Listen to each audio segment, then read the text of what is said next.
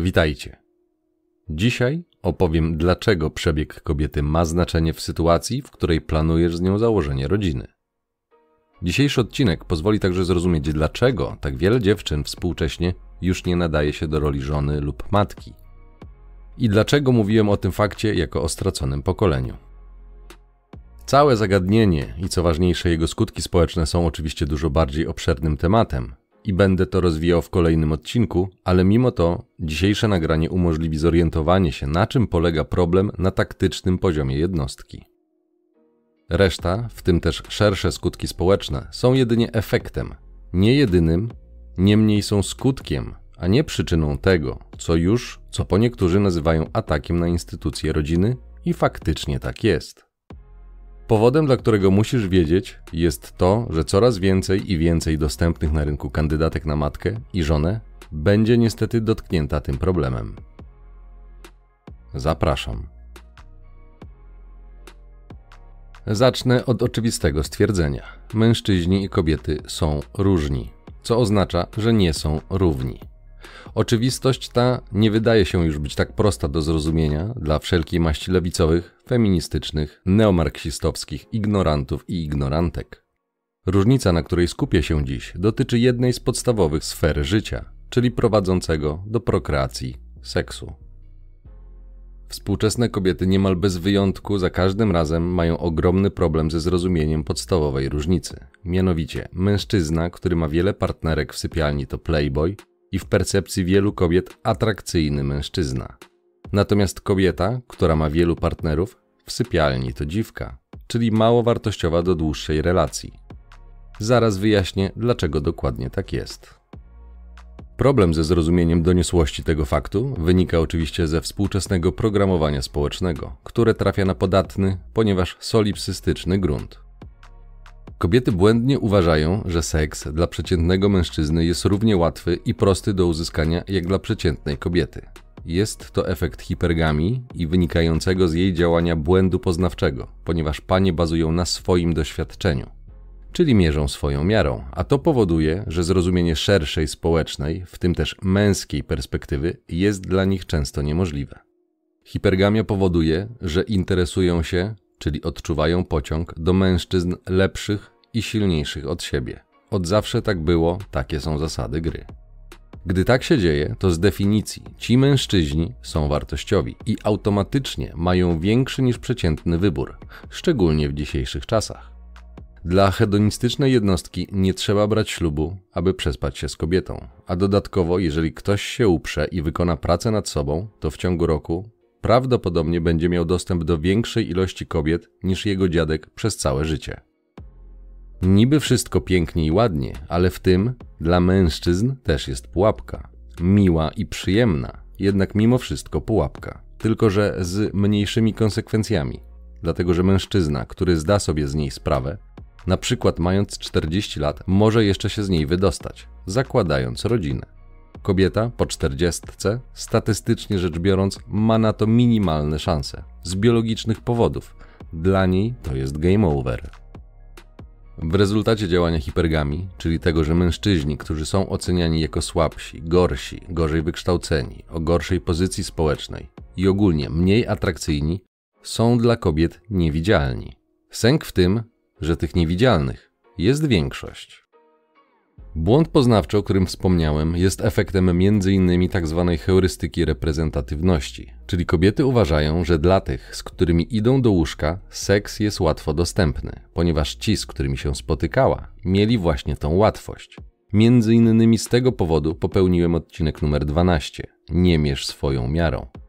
Te inteligentniejsze panie, które poza emocjami używają również intelektu, mogłyby na tym skorzystać, jeśli wybrałyby zrozumienie tego mechanizmu. Natomiast te, których omawiana sprawa dotyczy, biorą pod uwagę tylko tą próbkę, z którą spały, całkowicie ignorując wszystkich innych, hipergamicznie sklasyfikowanych jako poniżej kobiecej wartości. Graficznie można to przedstawić w ten sposób. Tak przedstawiają sprawę kobiety. Na szczycie piramidy znajdują się ci, jak twierdzą sfeminizowane kobiety, źli, wredni, opresyjni, patriarchalni. Przymiotników można by jeszcze wymieniać, mężczyźni. Pod nimi znajdują się natomiast biedne, słabe, uciskane i uciemiężone kobiety. Podczas gdy prawdziwy obraz przekroju społecznego wygląda tak. Pod tymi kierującymi się błędnymi przekonaniami kobietami znajduje się znakomita większość męskiej populacji. Ci na samym szczycie hierarchii to absolutna topka. Można się spierać co do proporcji, czy na szczycie jest 5, 10 czy 20% populacji, ale rozkład całościowo wygląda właśnie tak. Na dole są wszyscy ci autentycznie mili i uczynni goście, na których rówieśniczki w latach swojej świetności nie chciały nawet spojrzeć. Ale gdy w oczy zajrzał strach, bo pojawiła się ściana, to nagle dziwnym trafem stali się dobrymi kandydatami do poważnego związku. Jest to zbyt przewidywalne, aby był to przypadek, więc panowie zaczęli powoli zdawać sobie z tego sprawę i nie chcą już używanego towaru w zawyżonej cenie. I mają rację, bo to proszenie się o długoterminowe problemy w związku. Z czego biorą się te problemy? Już wyjaśniam. Biologicznie rzecz biorąc, seks nie jest zabawką. Służy posiadaniu potomstwa i budowania więzi. Nie mistycznej, duchowej, lecz wręcz fizycznej, opartej na mierzalnych parametrach. Współczesna nauka zna już pojęcie neuroplastyczności i przynajmniej częściowo rozpoznała znaczenie działania hormonów, takich jak dopamina, oksytocyna, wazopresyna i ich wpływu na powstające więzi międzyludzkie. Na przykład oksytocyna jest potężnie wydzielana, kiedy rodzi się dziecko. Natura, lub jak kto woli Bóg, może kosmici, w ten sposób zwiększa szanse na to, aby matka nie porzuciła potomstwa, ponieważ dziecko rodzi się bezbronne i jest w 100% zależne od opieki rodziców. Podczas seksu, a nawet bliskości, takiej jak przytulanie, zaczynają się uwalniać te hormony. Na marginesie. W czasie sprzeczki lub kłótni z kobietą nierzadko zauważysz, że ona, w chwili gdy będziesz chciał ją przytulić do siebie, będzie się temu dość silnie opierała. Zupełnie tak, jakby wiedziała, że szczere i autentyczne przytulenie bardzo szybko zmieni jej stan emocjonalny i wręcz nie będzie mogła, lub będzie jej bardzo trudno dalej się kłócić i gniewać na ciebie.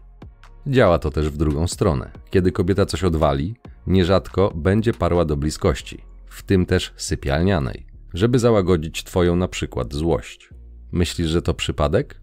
Sugeruję przemyśleć sprawę jeszcze raz. Jeśli zauważysz taką prawidłowość w swoim związku, to niestety czerwona flaga, ponieważ brak chęci bliskości informuje, że konflikt i rywalizacja to jest jej dominujący, niewykluczone, że prawdziwy i nawykowy styl działania.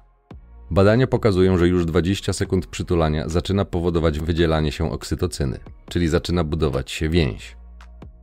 Oczywiście, czasu na zbudowanie silnego połączenia i przywiązania potrzeba więcej, ale od czegoś trzeba zacząć.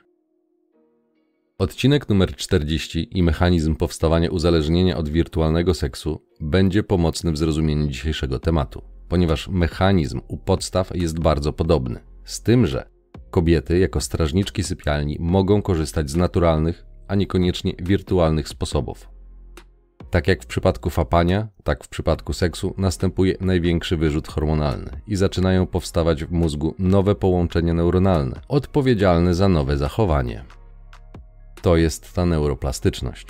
Fizycznie zaczynają powstawać nowe szlaki neuronowe i w ten sposób zaczyna tworzyć się wzorzec zachowania, którego możemy, dla lepszego zrozumienia, nazwać nawykiem. Zatem seks ma dosłownie wpływ na fizyczne aspekty mózgu.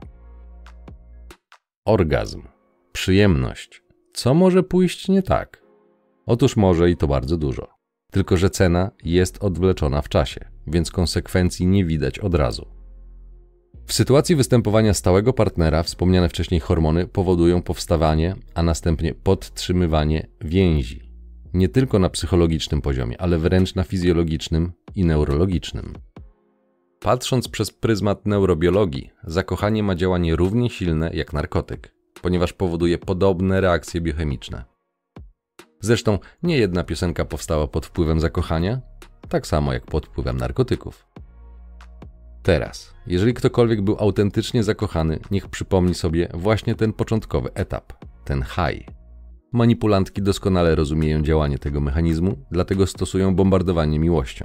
Normalne, nieuszkodzone, lecz zakochane kobiety też oddadzą się, ale tam dynamika jest inna.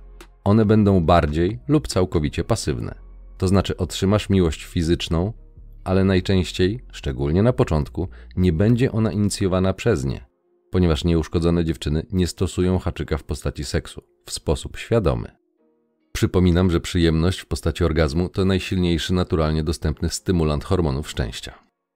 Jest porównywalny do zażywania kokainy. Ona jest wtedy dealerem i dostajesz darmowe działki, abyś został uzależniony, a następnie wrócił po więcej, ale już nie będzie to darmowa przyjemność. Na Twoje nieszczęście będzie to bardzo droga przyjemność, dlatego musisz wiedzieć. Na początku znajomości jest ekscytacja, niepewność, dreszczyk emocji, czyli mówimy tym samym o adrenalinie i dopaminie. W normalnej relacji z normalnym, nietoksycznym partnerem ta więź, jeżeli będzie pielęgnowana, lub przynajmniej jeżeli pokusy będą ograniczone, będzie się samo podtrzymywała. Pomagała w tym kulturowo wspierana monogamia oraz ostracyzm społeczny rozwiązłych zachowań, który w mainstreamie jest obecnie tak zaciekle zwalczany. Dzisiaj promowane są zachowania dokładnie odwrotne, oparte na przyjemnych, ale fałszywych i niosących nieuchronne cierpienie kłamstwach. I nie jest to przypadek, dlatego mówiłem, że wszystkich nas oszukano, a tylko niektórzy się połapali.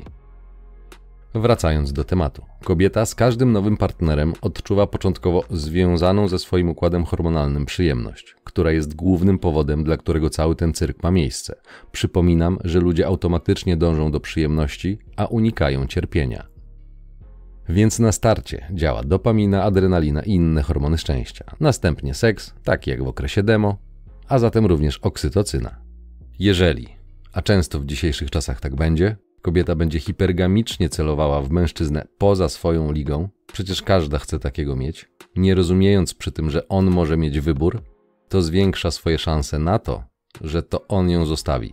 Bo wartościowy facet może, szczególnie kiedy on jest na etapie eksplorowania swoich opcji i nie myśli o poważnych związkach. Później kolejny i to samo, kolejny i to samo. Zostawił, odszedł lub obiecywał wierność i nie dotrzymał słowa. Mózg takiej kobiety zaczyna uczyć się takiego wzoru postępowania. W wyniku neuroplastyczności powstają szlaki neuronowe i zaczyna nieświadomie uczyć się takiego schematu. W kolejnych kontaktach zaczyna być nieufna, bo jej poprzednie relacje kończyły się w niemiły dla niej sposób. To z czasem powoduje zgorzknienie, które bardzo łatwo zauważyć w internetowych, ale nie tylko komentarzach na temat mężczyzn że wszyscy to narcyzi, niedojrzali emocjonalnie itd., tak itd. Tak Zaczynają to przewidywać, a nawet często na nieświadomym poziomie samemu prowokować dziwne sytuacje, aby zrealizował się nieświadomie wyuczony i nawykowy schemat zdrady lub dramatu. Jeśli trafisz na taką kobietę, to wcześniej czy później okaże się, że spokój w relacji to jest obce dla niej pojęcie. Stąd biorą się królowe dramatu i innych podobnych historii nazywając sprawy po imieniu. Ona stała się uzależniona od swojego haju hormonalnego, gdyż potęguje on emocje, ale też niechybnie kroczy za nim dołek, najczęściej w postaci żalu. A miało być tak pięknie. Przecież seks jest tak przyjemny, a tutaj niespodzianka. Poprawa nastroju była tylko chwilowa, a w rezultacie jest więcej nieprzyjemności niż szczęścia. Jeśli taki schemat będzie miał miejsce u spotkanej przez ciebie pani, to musisz wiedzieć, że dla nich spokojna i stabilna relacja jest nudna, przeraźliwie nudna. Dodatkowo, ze względu na istnienie habituacji, rośnie prawdopodobieństwo, że będzie szukała kolejnych dawek emocji, kolejnych dawek swojego narkotyku i bardzo często nie cofnie się przed rozwaleniem relacji, nieważne jak stabilnej. Racjonalizacja będzie taka, że ona już tego nie czuje. No pewnie, że nie czuje, bo nie dostaje jak alkoholik czy narkoman coraz silniejszych dawek i tak jak mówiłem, jeżeli nie planujesz z taką kobietą wspólnej przyszłości, jeśli jest to okres, w którym ty odkrywasz siebie i korzystasz z uroków życia, to ilość jej wcześniejszych partnerów nie będzie problemem, dlatego że do spędzania miłych chwil nadaje się wyśmienicie. Ale do dłuższego związku i założenia rodziny to nie polecam, ponieważ to proszenie się o problemy. Do założenia rodziny obecnie musisz testować i być bardzo wybrednym. Przykro mi, takie mamy czasy. Gdy już wiesz, na czym polega problem z dużymi przebiegami u kobiet i wiesz, w jaki sposób zaburza to ich zdolność do budowania trwałych więzi z mężczyzną, a zaburza, bo stały się uwarunkowanymi ćpunkami swoich hormonów, wzmacnianymi przez uzależniający efekt działania huśtawki emocjonalnej, a do tego jest to konsekwencją ich własnych decyzji, wyborów i zachowań, to łatwiej będzie zrozumieć ludową mądrość zawierającą się w sentencji: Jak nie znajdziesz białej wrony, tak nie zrobisz z dziwki żony. Oczywiście nie każdy jest tak samo podatny na uzależnienia, więc będą występowały różnice osobnicze. Nie zmienia to jednak faktu, że obserwowalna jest taka tendencja i zależność. Na podstawie analogii z eksperymentami na temat odroczonej gratyfikacji szacuje, że około 70% pań po karuzeli jest partnerkami podwyższonego ryzyka. W 2018 roku Nicholas Wolfinger z Amerykańskiego Instytutu Badań nad Rodziną opublikował swoją analizę, z której, co w świetle powyższego jest całkowicie zrozumiałe, wynika, że małżeństwa z najmniejszą ilością wcześniejszych partnerów seksualnych cieszą się największym wskaźnikiem satysfakcji małżeńskiej. Dla zainteresowanych link umieszczę w opisie. Ten sam autor jeszcze wcześniej, bo w 2016 roku badając dane statystyczne, zauważył, że dziewice i kobiety z jednym partnerem seksualnym przed zawarciem małżeństwa cechowały się statystycznie najniższym prawdopodobieństwem rozwodu. Z kolei te, które miały 10 i więcej partnerów, cechowały się najwyższym prawdopodobieństwem. Wspomniałem w poprzednich odcinkach, że psychologia zna te mechanizmy, a takich badań jest więcej. Chętnych pokopać w źródłach i badaniach odsyłam do opisu odcinka. Umieszczę w nim również krótką pracę z 2012 roku doktora Kanioka z Wydziału Nauk Społecznych Uniwersytetu Opolskiego, w której to dokonuje przeglądu tego tematu w oparciu o badania. W tym momencie oczami i uszami wyobraźni słyszę skowyt zindoktrynowanych fałszywymi przekonaniami o równości. Ale jak to? Przecież mężczyźni też. To niesprawiedliwe i tak dalej. Otóż nie. Mężczyźni mają inaczej. Po pierwsze, większość nie ma takiego dostępu do seksu, jak nawet przeciętna kobieta, dlatego uzależnienie od pornografii jest problemem. Swoją drogą ciekawe, dlaczego za Netflixa musisz płacić. Za pełen dostęp do Spotify musisz płacić. Za erotyczne kamerki musisz płacić. A porno w sieci jest darmowe. Ciekawe, prawda?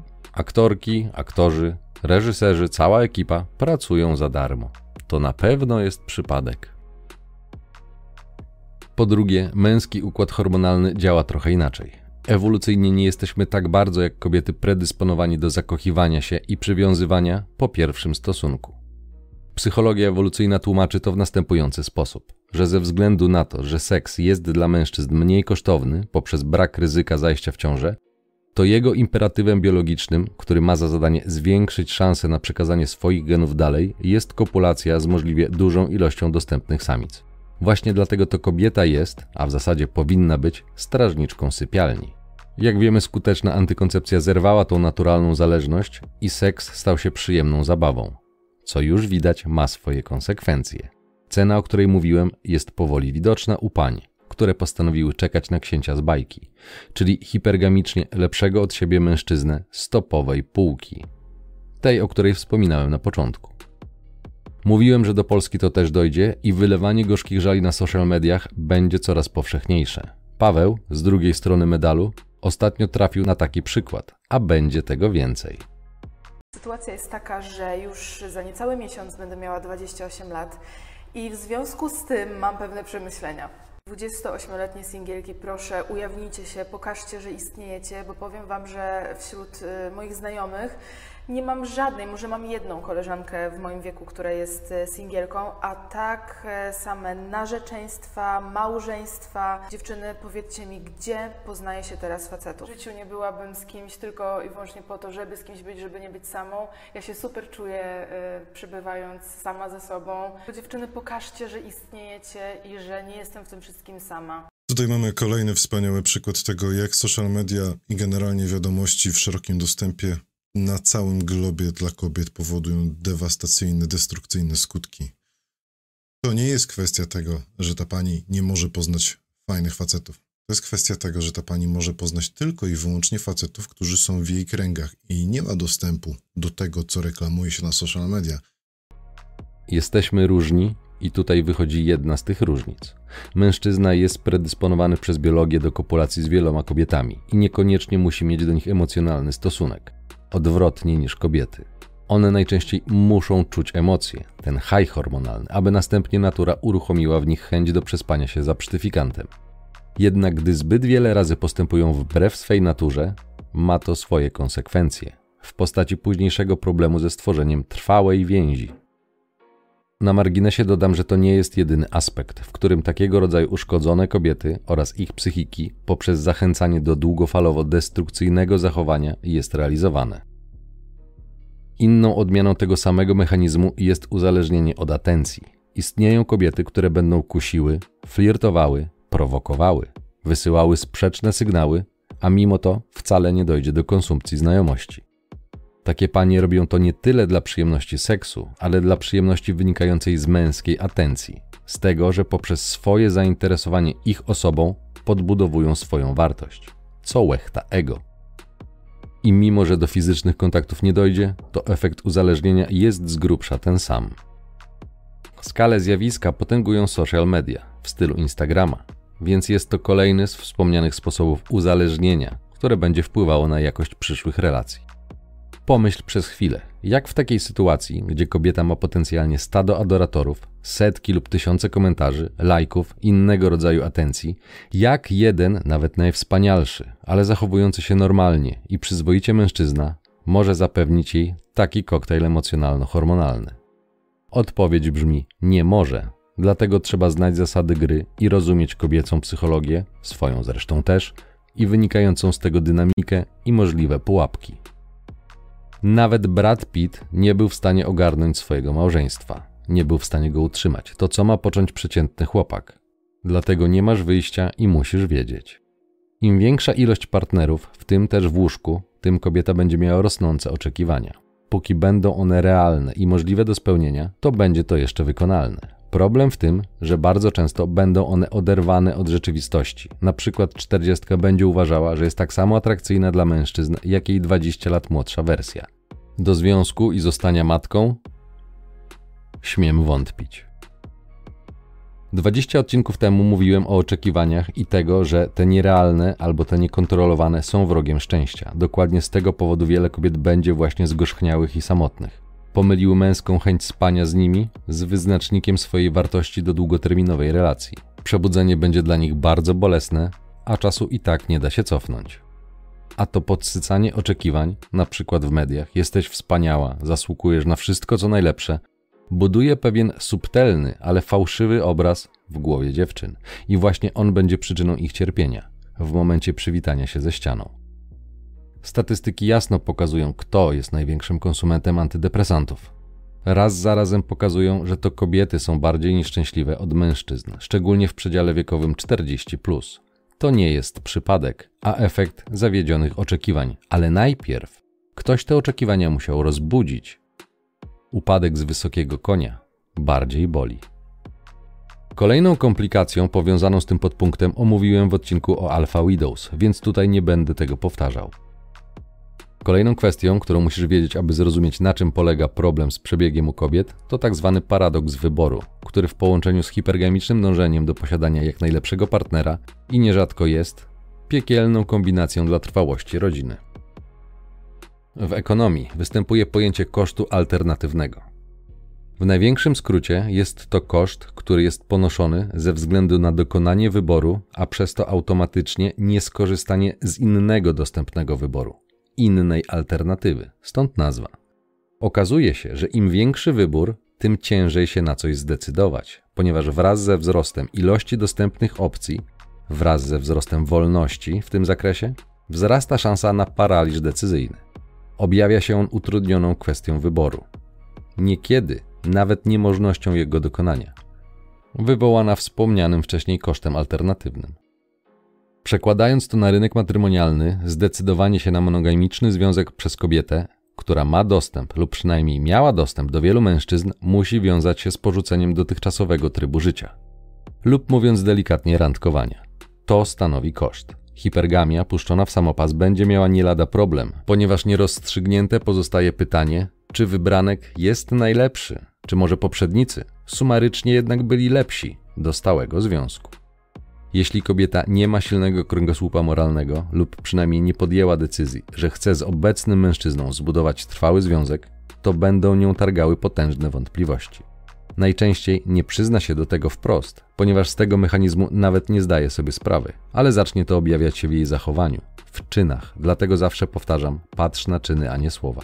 One powiedzą ci wszystko, co musisz wiedzieć. Zatem poprzez paradoks wyboru, im większa ilość wcześniejszych partnerów do porównania, tym potencjalnie większa szansa na żal, który zmniejsza zadowolenie z dokonanego wyboru. W humorystyczny sposób, ale uważam, że dość celny, tą kwestię obrazuje żart pod tytułem Sklep z mężczyznami. Patrząc, patrząc globalnie, to jakby nie zaklinać rzeczywistości, to one będą prawdziwymi przygrywami w tej sytuacji.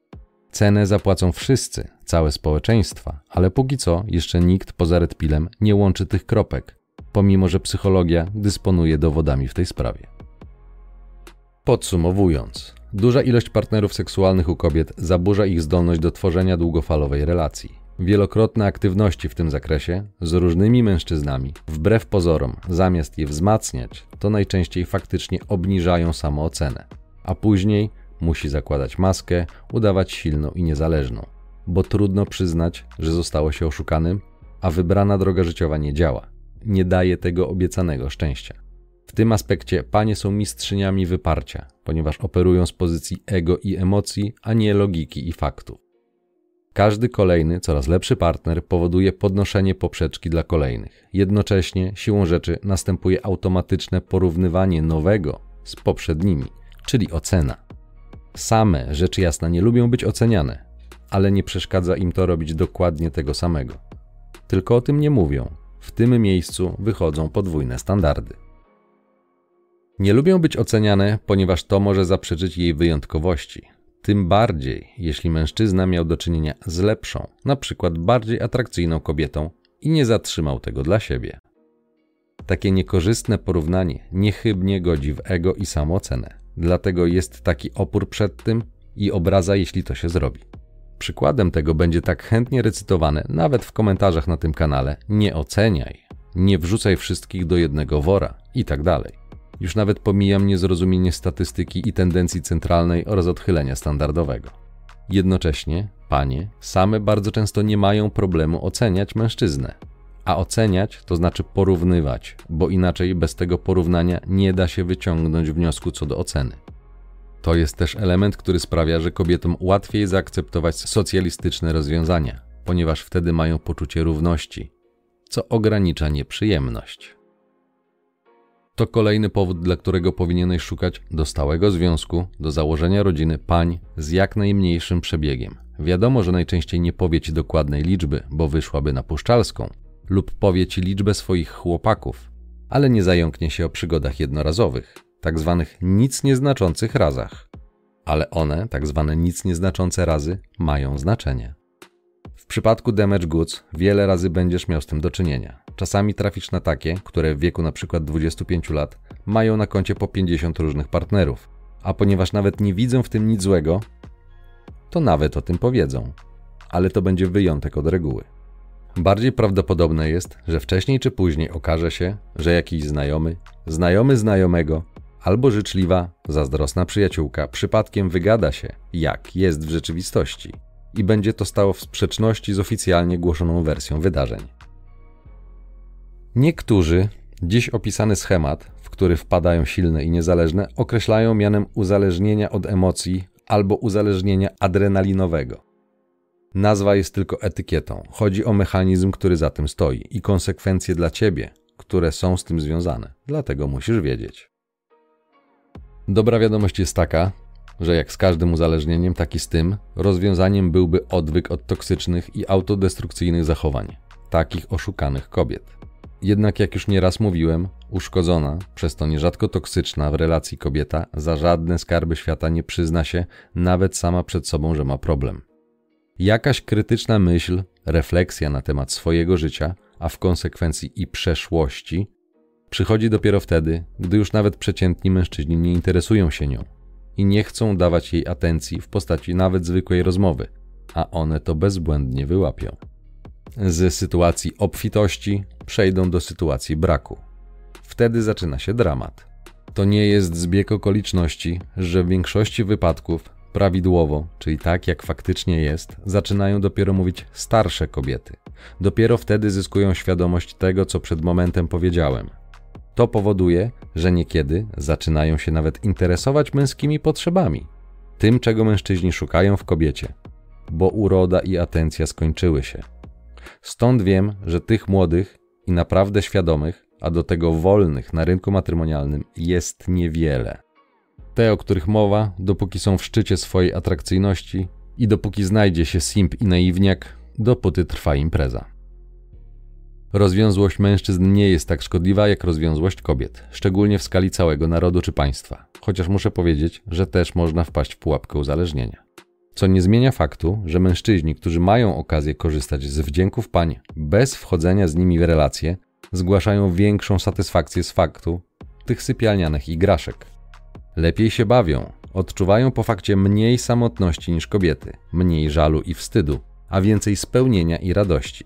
Jest to kolejny dowód, że mężczyźni mają inne predyspozycje w zakresie przygodnego seksu niż kobiety.